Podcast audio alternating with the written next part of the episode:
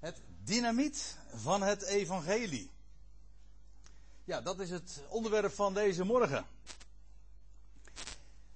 En zoals dat plaatje het ook al goed weergeeft, dynamiet is explosief. Ook vernietigend trouwens. En heeft een gigantische kracht als dat tot ontploffing komt. Nou, dat vergelijk ik met het evangelie. Trouwens, dat is niet eens een vergelijking van mij, want er staat in Romeinen 1, vers 16, dat het evangelie Gods, nee, dat het evangelie Gods kracht is. En in het Grieks staat daar het woordje voor kracht dynamisch. En ons woord dynamiet is rechtstreeks afgeleid van dat Griekse woord dynamisch, kracht, power, dynamiet. Wel, het evangelie is inderdaad dynamiet. Zo een enorme power. Maar ik moet er ook bij zeggen, en dat wil ik vanmorgen ook eens naar voren brengen. Het is ook vernietigend in bepaald opzicht. Kijk, het is een werkelijk evangelie, het is een blijde boodschap, maar het is tegelijkertijd ook dodelijk voor alles van de mens zelf. Daarmee bedoel ik voor al zijn, voor al zijn hoogmoed, voor alles wat hij zich verbeeldt te zijn en wat hij denkt te kunnen. Het is ook vernietigend voor elk religieus denken. Dat meent zelf tot God te kunnen komen of zelf bij, bij, bij te kunnen dragen aan zijn redding. Het is absoluut dodelijk. Killing. Nou, dat wil ik vanmorgen eens onder uh, woorden brengen en naar voren brengen. En ik wil dat doen aan de hand van de, wat ik noem, de mission statement van de apostel Paulus.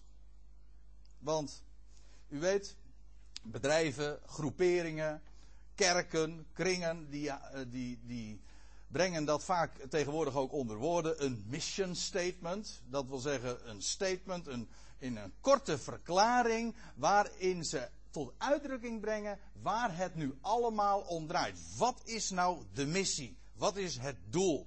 Wat staat ons voor ogen?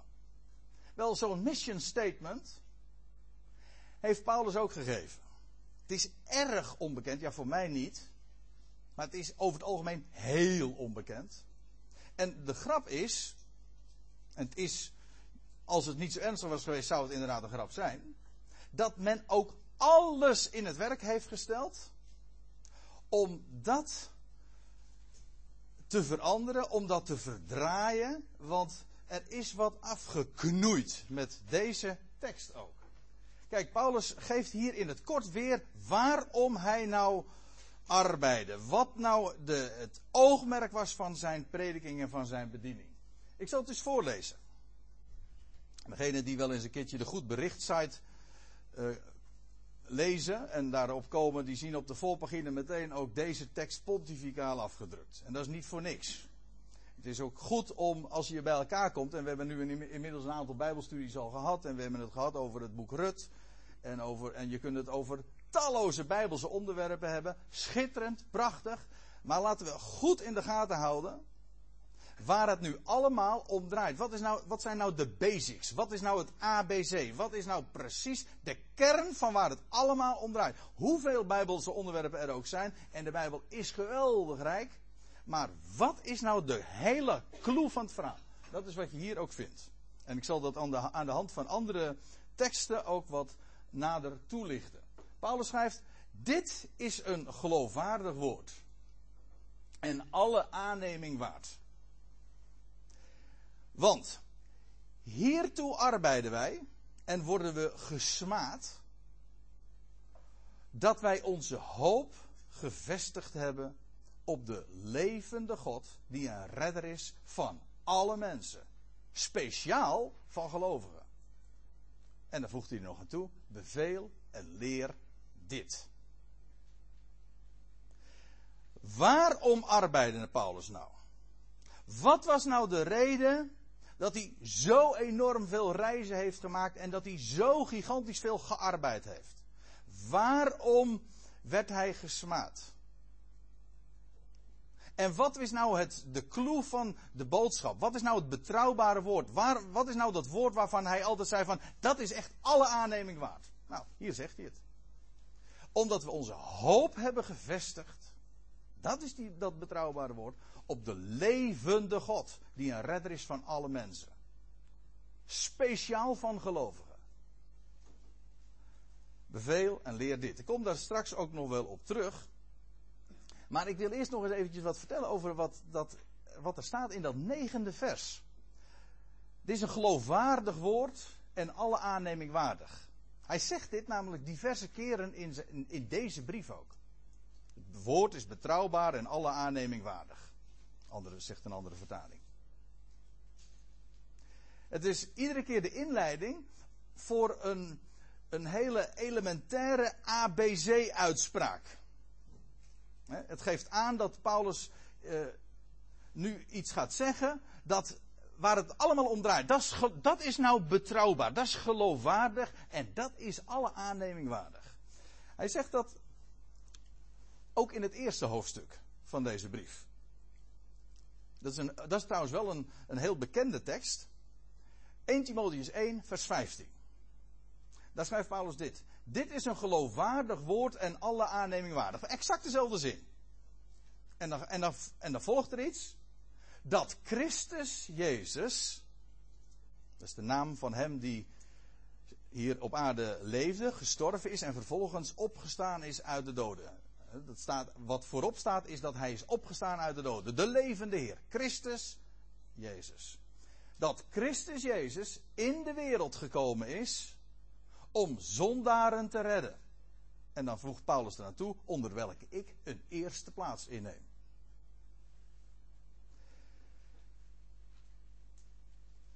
In wezen is dat wat Paulus hier zegt exact hetzelfde wat hij ook in hoofdstuk 4, vers 10 zegt. En schrijft, wat, die, wat we zojuist lazen. Want gaat u maar na. Christus Jezus is in deze wereld gekomen met een missie ook. En wat was zijn missie? Nou, om zondaren te redden. Wie zijn de zondaren? Dat is iedereen. Alle mensen. Alle mensen zijn, daar hebben ze trouwens niet eens voor gekozen. Want dat waren we al vanaf de moederschoot. Op het moment dat we ter wereld kwamen, waren we al zondaren. We zijn, zegt Romeinen 5, tot zondaren gesteld. Dat is helemaal niet eens een kwestie van keuze. Maar het hele mensdom is te benoemen onder de naam zondaar. Een doelmisser, een sterveling. We leven hier even en we gaan weer dood. En, en in dat leven is doelmissen eigenlijk dat wat karakteristiek is voor de mens. Wel, Christus Jezus is in de wereld gekomen om zondaren te redden. En wie zijn die zondaren? Wel, dat zijn alle mensen. Hij, er staat in, in Johannes 3, een bekend hoofdstuk. Ja, vers 16 is helemaal een bekend vers. Hè. Al zo lief heeft God de wereld gehad. Dat hij zijn enige geboren zoon gegeven heeft. Nou, als u dan nog even een vers doorleest, dan staat er. Dat vers is heel, heel, heel wat minder bekend dan dat 16e. Vreemd genoeg. Namelijk dat er staat van. God heeft zijn zoon niet in de wereld gezonden opdat hij de wereld veroordelen, maar opdat de wereld behouden, de wereld behouden zou worden door hem. Dat was de reden waarom God zijn, zijn zoon in de wereld stond. Opdat de wereld behouden zou worden. Gered zou worden, want dat is exact hetzelfde. Nou. Hier staat het ook. Christus Jezus is in de wereld gekomen om zondaren te redden. En zegt Paulus er nog, dan nog bij, onder welke ik een eerste plaats inneem. Met andere woorden, de grootste, zo zegt hij het ook, hè? ik ben de grootste der zondaren. Hij noemt zich de minste der heiligen, de geringste ook van de apostelen. Niet waard een apostel te heten, maar hier zegt hij, ik ben, van alle zondaren in de wereld, ben ik de grootste.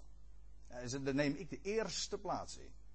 Daarom is Paulus ook zo'n geschikt instrument voor God om de boodschap van genade te prediken. Want hoe kun je genade dat het gratis, volstrekt onvoorwaardelijk. Hoe kun je die boodschap van genade beter laten verkondigen dan door iemand die de grootste zondaar is? Die dus het minste recht heeft op het kennen van God en het genieten van zijn zegeningen. Maar nog iets. Als Christus Jezus nou in de wereld gekomen is om zondaren te redden. En hij is zelfs in staat de grootste zondaar te redden. Dan is hij in staat om alle zondaren te redden. En dat is ook zo. Dat doet hij ook. En dat is precies wat vervolgens dan ook staat in, in, eh, in, eh, in het vierde hoofdstuk. Dat de levende God een behouder is, een redder is van alle mensen. Speciaal inderdaad van gelovigen. Dat is dus 1 Timotheüs 1. Ik wil nog eventjes terugkomen op dat, uh, op dat vierde hoofdstuk. Want, kijk, daar zegt Paulus dat. Hè. Dit, is, dit is ons uitgangspunt van morgen, deze tekst in uh, 1 Timotheüs 4. Paulus' mission statement. Dit, dit, is een geloofwaardig woord en alle aanneming waard.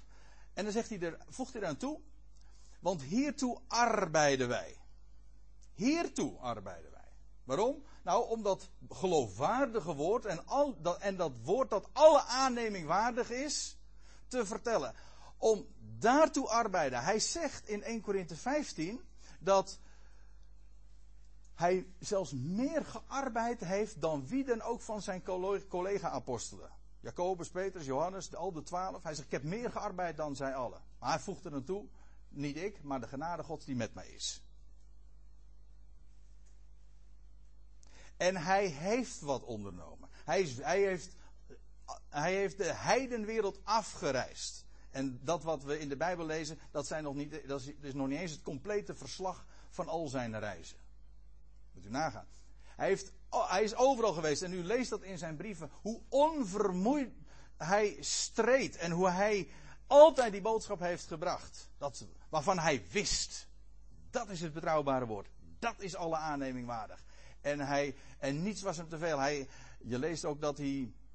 Uh, nou ja, moet u dat in 2 Korinther 12 zelf maar eens nalezen. Geeft hij een verslag zo van, van zijn leven. Hoe zijn leven eruit zag. Uh, zoveel keer had hij schriftbreuk geleden. Uh, nachten zonder slaap. En dagen dat hij zwoegde en ploeterde. En, dat, en die arbeid verrichtte hij. Tientallen jaren lang was hij de grote getuige in de heidenwereld. En heeft hij gesproken van Gods genade. Ja. Maar hij zegt, ik werd, word erom gesmaad. Tot dusver heeft hij nog niet gezegd waarom nou. Maar daarover straks meer. Hij zegt, hierom worden hij zegt, hiertoe arbeiden wij. Hiertoe worden we ook gesmaad. Een andere vertalingen zeggen, en dat is trouwens geen vertaling kwestie, maar meer een kwestie van wat er nou precies in de grondtekst staat. Maar het verschil is ook weer niet zo erg groot. Andere vertalingen zeggen, uh, hiertoe uh, strijden wij. De zin blijft ongeveer hetzelfde. Want kijk, het is niet dat. Paulus had een machtig woord. Het was een betrouwbaar woord. Het was logisch. Het was duidelijk. Het was ook geweldig. Het is werkelijk blijde boodschap, omdat het spreekt van een, een, een groot God, die de levende God is, die sterker is dan de dood, en die een redder is van alle mensen. Speciaal van degenen die geloven. Nou, dat is het mooiste wat er is. Ja, dat is waar. Maar vertel het maar eens. Ik, als je het in de wereld vertelt. Als je het in de wereld vertelt. Dan. Dan kan het gebeuren dat ze. Als ze naar je luisteren. En ze luisteren echt goed. Dat, dat ze dan zeggen. Van. Ja. Als het waar zou zijn. dan zou dat het mooiste zijn wat er, wat er is. Ik heb, het, ik heb het vaak genoeg gehoord. Daarmee geloven ze het nog niet. Maar ze geven toe dat als het waar zou zijn, dan zou dat het mooiste zijn wat er is. Als het in de godsdienstige kringen komt. En je vertelt het. Ik kan u dit vertellen. De hel breekt los die niet bestaat. Ja. Dat is echt zo. En ik zou zeggen, test het maar eens uit. Kijk, een boodschap van genade, dat, is nog, dat was 2000 jaar geleden zo. Dat is nu nog steeds niet veranderd. In een godsdienstige wereld is dat een absoluut struikelblok. Daar kan men niet over uit. Daar wil men nog niets, daar wil men niets van weten. Want op een of andere manier wil men toch altijd weer de mens op een voetstuk plaatsen. De mens moet er toch wat voor doen. Altijd is dat weer het element, het idee dat weer naar voren komt. Want je moet er wel voor kiezen. Weet je, weet je wat je dan te horen krijgt? Als je zegt van, de levende God is een redder van alle mensen. Dan zeggen ze, ik heb het zo vaak gehoord. Eh, moet, je goed, moet je goed opletten hoe dat dan werkt. Dan zeg je, de levende God. Hè? Hij is een redder van alle mensen. En als er dan iemand luistert en reageert, en dat is een christen, ja, vooral christen, hè, die zegt, ja, maar je moet wel geloven. Moet je opletten wat er dan gebeurt. Als hij zegt, de levende God is een redder van alle mensen, en dan zeggen, en de reactie is, maar je moet wel. Ja, maar je moet wel geloven. Weet je wat ze daarmee zeggen? Ik geloof het niet.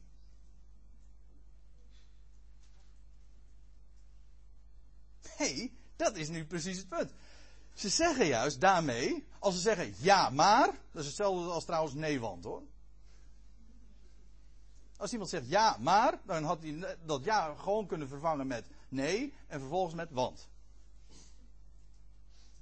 Dus op het moment dat je die reactie krijgt, ja, maar je moet wel geloven, daarmee demonstreert men ongeloof.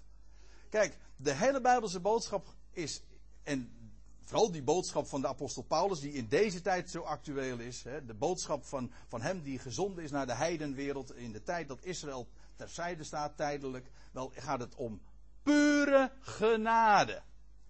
Puur om niet. God is degene die zegt van, ik ben het. Ik ben jouw schepper en ik ben jouw redder. En ik heb mijn zoon in de wereld gezonden en hij is jouw redder.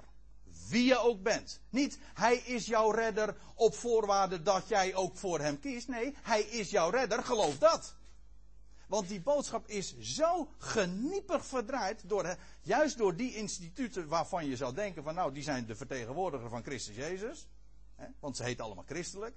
Maar juist die instituten, die organisaties, die mensen die daarvoor staan, die roepen allemaal precies het, net het tegenovergestelde. Ja, heel, heel subtiel. Dan zeggen ze van, ja, God is een redder van alle mensen, maar je moet wel geloven. Nou, dan is hij dus niet de redder van alle mensen. Het is namelijk onvoorwaardelijk. Hij is. Jezus Christus maken wij niet tot Heer of tot Redder doordat we Hem gaan geloven. Of doordat we ons bekeerd hebben. Dan zou het nog voorwaardelijk zijn. Nee, Hij is het. Dat is de boodschap. Simpeler kan het eigenlijk ook niet hoor. Hij is Heer. Hij is redder. Onvoorwaardelijk. En dat is de evangelieboodschap. En Paulus heeft, uh, schrijft hier, hij zegt, en hiertoe arbeiden wij. En hiertoe worden we ook gesmaad. Want genade mot men niet. Het is de mens die altijd weer op een voetstuk geplaatst wil worden. En dan uiteindelijk kan zeggen van, ja, Jezus Christus is mijn redder. Maar eigenlijk zeggen ze, ik heb mezelf gered. Jezus Christus heeft de redding mogelijk gemaakt. Jezus Christus heeft de redding mogelijk gemaakt. Maar ik, aan mij was de finishing touch. Ik heb voor hem gekozen en toen werd hij mijn redder. Dat is absoluut onwaar. Dat is een leugen dus. Hij is redder. Van alle mensen. Speciaal op een bijzondere manier van hen die geloven. Ik wil nog een, op een andere tekst wijzen, want Paulus had in het voorgaande hoofdstuk, 1 Timotheus 2, had hij daar ook al over gesproken. Ik, die eerste versen laat ik eventjes voor wat ze zijn en dan komen we in vers 4. En daar schrijft Paulus God, dan spreekt hij over God, onze redder, die wil dat alle mensen gered worden en tot erkentenis der waarheid komen. Want, schrijft Paulus, er is één God en ook één middelaar van God en mensen, de mens Christus Jezus, die zich gegeven heeft tot een losprijs voor allen. En daarvan wordt getuigd te juister tijd. En ik ben daartoe als een heraut en een apostel gesteld. Ik spreek waarheid, geen leugen. Als een leermeester van de natie in geloof en waarheid. Het is eigenlijk ook al een inleiding op die mission statement die Paulus doet in 1 Timotheus 4, vers 9 tot en met 11. Hier brengt hij dezelfde dingen onder woorden. Hier zegt hij het ook al. God is onze redder. Ja, maar onze redder die wil dat heel het mensdom gered wordt. Ja, dat kan hij wel willen, maar als een mens het niet wil, dan gebeurt het niet. Ja, dat is, dat is wat er verteld wordt in de religie. In de, ik spreek nu specifiek over de christelijke religie. Want u denkt misschien van ja, religie is niet goed. Uh, en, uh, dat is in het algemeen is dat te veroordelen, maar als christelijk is, is het anders. Dan zeg ik nee, dat is dan nog veel erger. Er is geen ergere religie, slik, dan de christelijke. Ja, het, het staat namelijk haak, religie staat haaks op evangelie. Evangelie wil zeggen, het is, het is een, het, ja, evangelie wil zeggen, een goed bericht, een blijde boodschap. Maar waarom is het een blijde boodschap? Wel, het is een boodschap dat spreekt van de levende God. En het spreekt van een God die werkelijk God is. Weet u waarom? Omdat er maar één is. Hij hoeft zijn macht niet te delen met zoveel anderen. Dat hele idee van dat, dat de mens uiteindelijk een, een, een vrije wil heeft en die sterker is dan Gods wil, dat is eigenlijk, daarmee promoveer je, tussen aanhalingstekens, God tot, een, tot de mens tot een godheid. Als een mens in staat is met zijn onwil Gods wil te dwarsbomen, is, is de mens meer dan God. Maar Paulus schrijft, God is onze redder. En hij wil, hij wil dat alle mensen gered worden, worden en tot erkentenis van de waarheid komen. Welke waarheid? Nou, van die waarheid. Dat is juist de boodschap. De boodschap dat God het is die wil dat alle mensen gered worden. En omdat Hij het wil en omdat er maar één God is, is Hij ook de redder van alle mensen. En dat is precies wat Paulus vertelt. Kijk, hij zegt dan in vers 5, want er is één God. Er is er maar één. Er is er maar één die het voor het zeggen heeft. Er is er één die de dingen beschikt. En er is ook één middelaar van God en mensen. De mens Christus Jezus. En die zich gegeven heeft tot een losprijs voor allen. Voor allen. Let op. Hij gaf zijn leven tot redding der wereld. Hij gaf, hij betaalde de prijs om de mensheid het nieuwe leven te geven. Hij betaalde daartoe de prijs op het kruis van Golgotha. Voor allen. De prijs is voor alle mensen betaald. En weet u wat het betekent? Dat alle mensen het eigendom zijn van Christus Jezus. Ze weten het niet. Ze willen het ook niet weten. Ze willen het niet geloven. Maar hoeveel kerken? Ja, ik geef toe, ik, ik, had, ik heb u gewaarschuwd. Hè. Ik heb meteen al gezegd, het evangelie is dynamiet. Maar u zegt zeggen van ja, maar dit is ook dynamiet voor, voor, voor, voor wat ik altijd hoor in kerken en vanaf de kansel en wat evangelisten vertellen. Dat zeg ik, dat is ook zo. Dit is ook dynamiet. Hoeveel, hoeveel kerken zullen er niet zijn? Hoeveel mensen? Ik woon zelf in Katwijk. Maar hoeveel mensen. Nou, dat is een plaats waar, eh, waar, waar eh, de kerken volstromen elke zondag met tien. Uh, nou, tienduizend is een beetje overdreven. Zo, groot, zo grote plaats is het nou ook weer niet. Nou, Katwijk is vrij flink hoor trouwens. Maar met duizenden mensen in het zwart. En dan krijgen ze een, een donderpreek te horen. Ik, uh, ik, wil het niet negatiever maken dan het is, maar daar, daar wordt de vraag gesteld. En ja, uh, zondag 1 hè, van de Heidelberger Catechismus. Wat is uw enige troost in leven en in sterven? En dat is de enige troost. En ik zeg er van harte amen op hoor. Dat, ik, dat ik niet mijn, maar ik weet niet exact hoe het staat, dat ik niet mijn, maar dat ik het eigendom ben van mijn getrouwe. Precies, ja. ja. Amen. Nou, hier zit een broeder die dat weet. En uh, die zou uh, nog veel meer zondagen zo kunnen opnoemen, weet ik zeker. Maar daar gaat het niet om. Dat je het, wat is je enige troost in leven en sterven? Dat je het eigendom bent van Christus Jezus. Ja, dat is ook zo. Maar weet u wat nou het, het dynamiet van het evangelie is? Dat is de verkondiging dat elk mens gekocht en betaald is door Christus Jezus en daarom rechtens zijn eigendom is. De vraag is dus niet, ben je zijn eigendom? De verkondiging is, de verkondiging is je bent zijn eigendom. Geloof dat. Erken dat.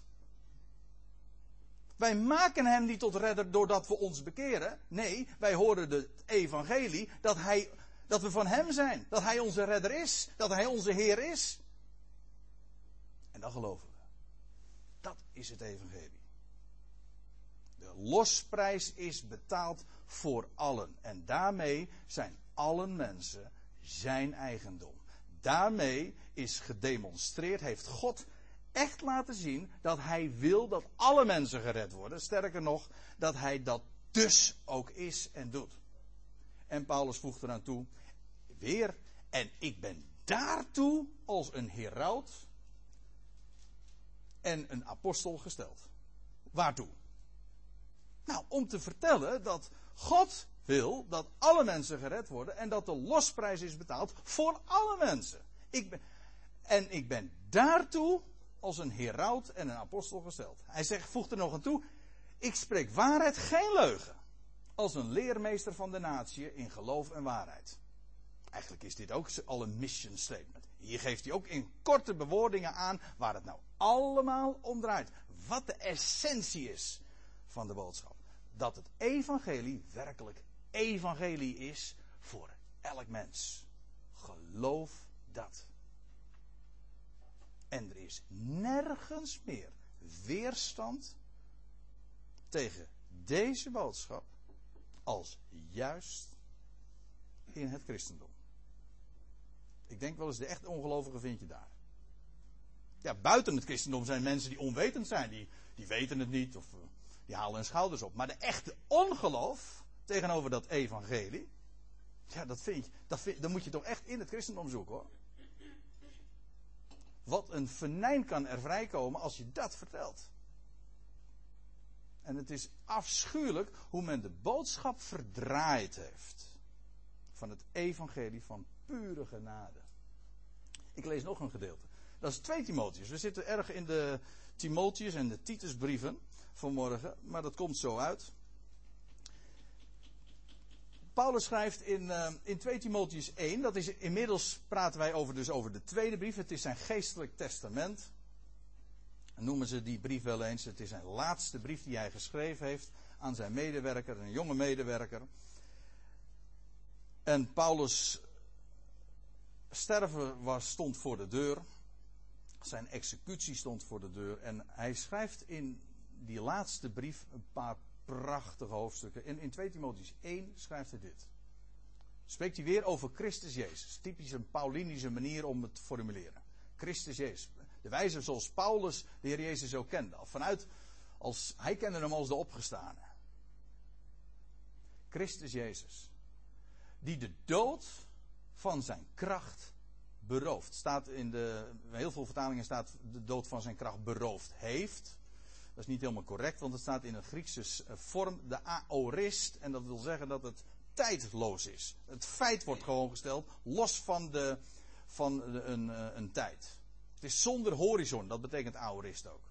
Tijdloos. Het is trouwens ook niet waar, Christus Jezus heeft de dood ook nog niet van zijn kracht beroofd. Hij doet dat.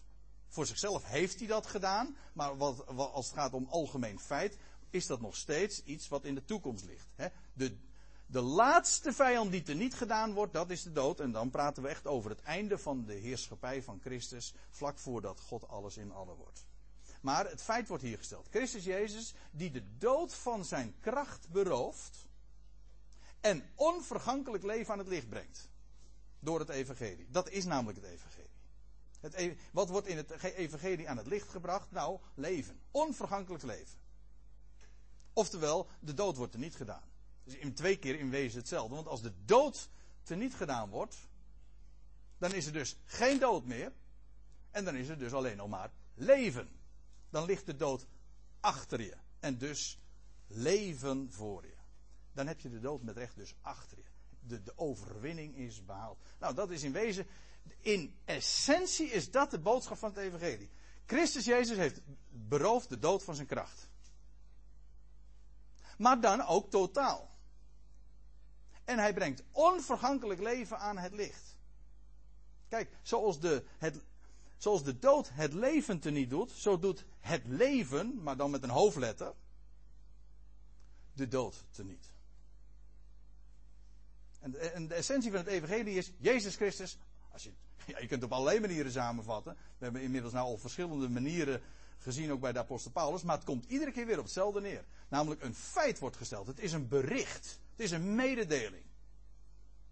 Het is de mededeling dat God de redder is van alle mensen. Het is de mededeling dat Christus Jezus in de wereld is gekomen om zondaren te redden.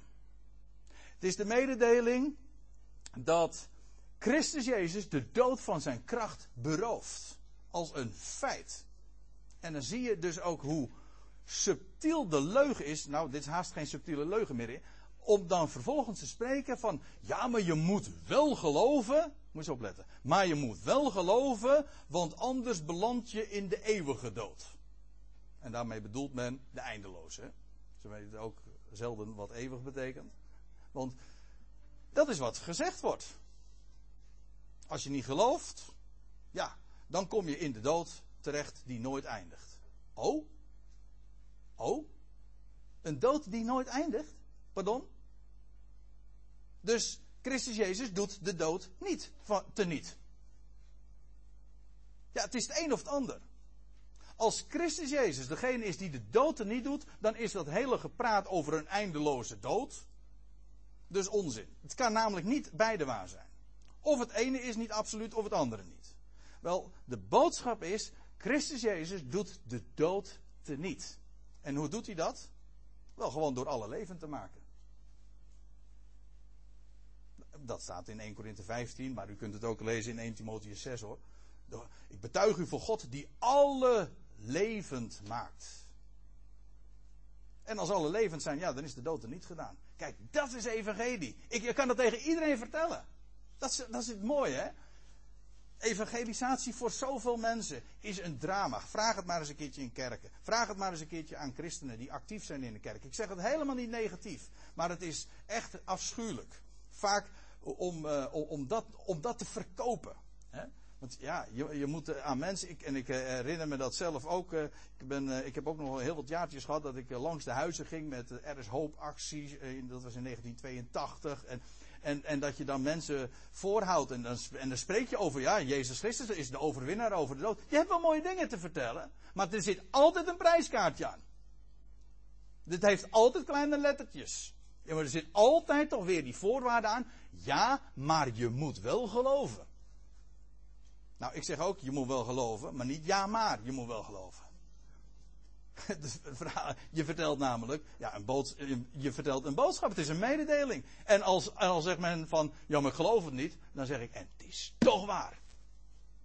En je bent, wat je ook doet, en hoe je reactie ook is, en wie je ook bent, wat je achtergrond is, is en waar je ook, want al die miljarden mensen, moet je je even voorstellen, al die miljarden mensen, ze zijn allemaal gekocht en betaald. En God is hun redder inderdaad in fase. Hij geeft nu geloof aan ons en uiteindelijk aan iedereen. Maar hij is de redder van dat ganse mensdom. Van iedereen. Kijk, dat vertel je. Dat is, weet je wat ik. Maar ik kan me soms zo ergeren.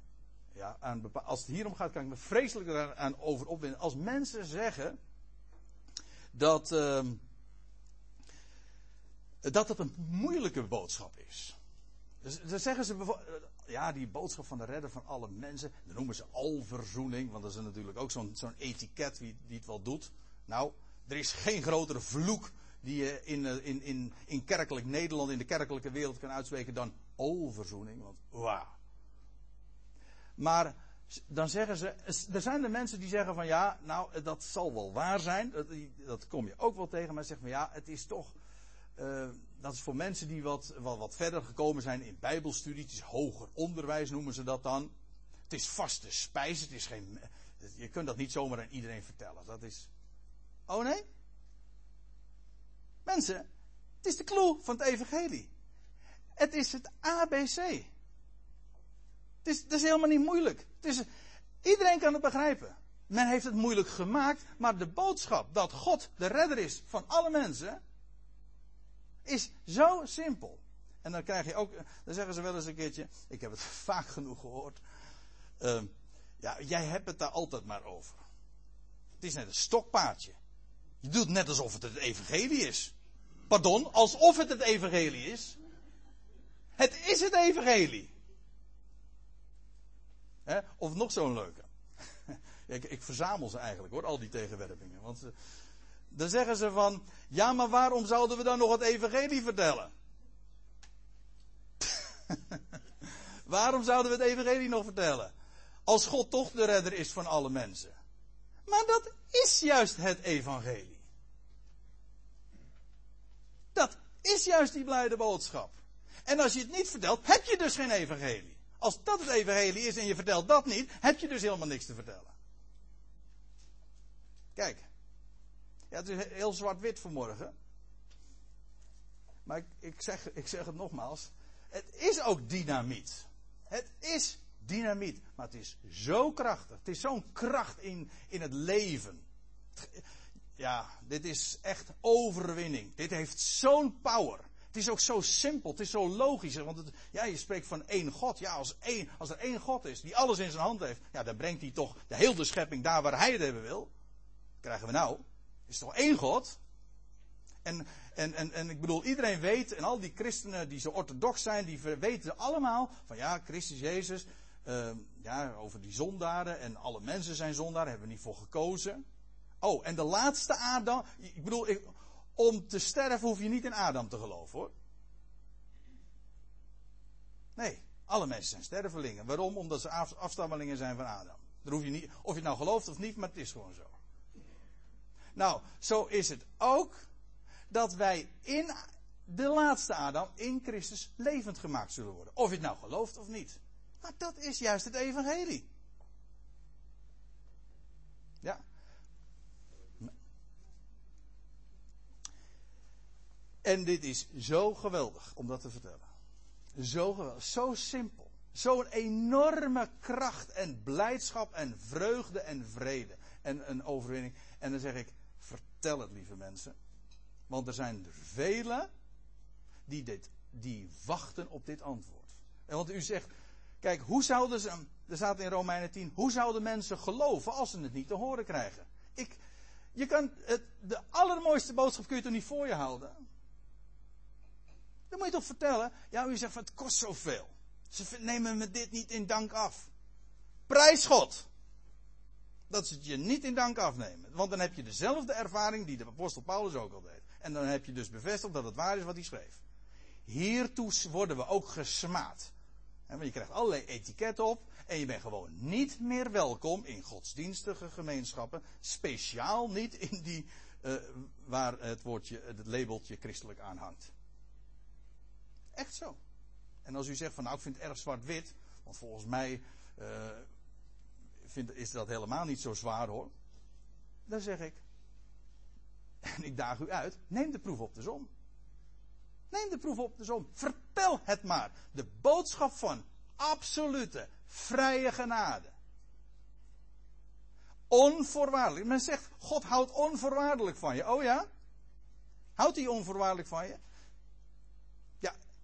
De Bijbel zegt het inderdaad. Dat is juist Gods liefde die overwint alles. En die is niet afhankelijk van onze reactie. Nee, maar men, in de orthodoxie kan men het niet verkopen. Kan men het niet. Nee, men, kan, men verkoopt alles. Eigenlijk drankt overal uiteindelijk een prijskaartje aan. Maar dit kan men niet vertellen. God houdt onvoorwaardelijk van je. Maar als je niet gelooft, brand je eeuwig in de hel. Dat is toch een schizofrene boodschap. Dat, dat, daarmee heb je dus in wezen gewoon dat wat je vertelt of wat je zegt, dat dat zo mooi is, heb je meteen dan teniet gedaan.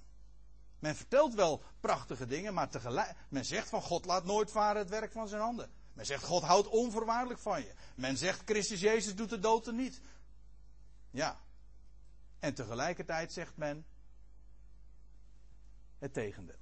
En daarmee heeft men dus niks gezegd. Is de boodschap dus verijdeld. Is het dynamiet, is het gewoon het lontje eruit gehaald. Is het gewoon, doet het helemaal niks meer. Ja.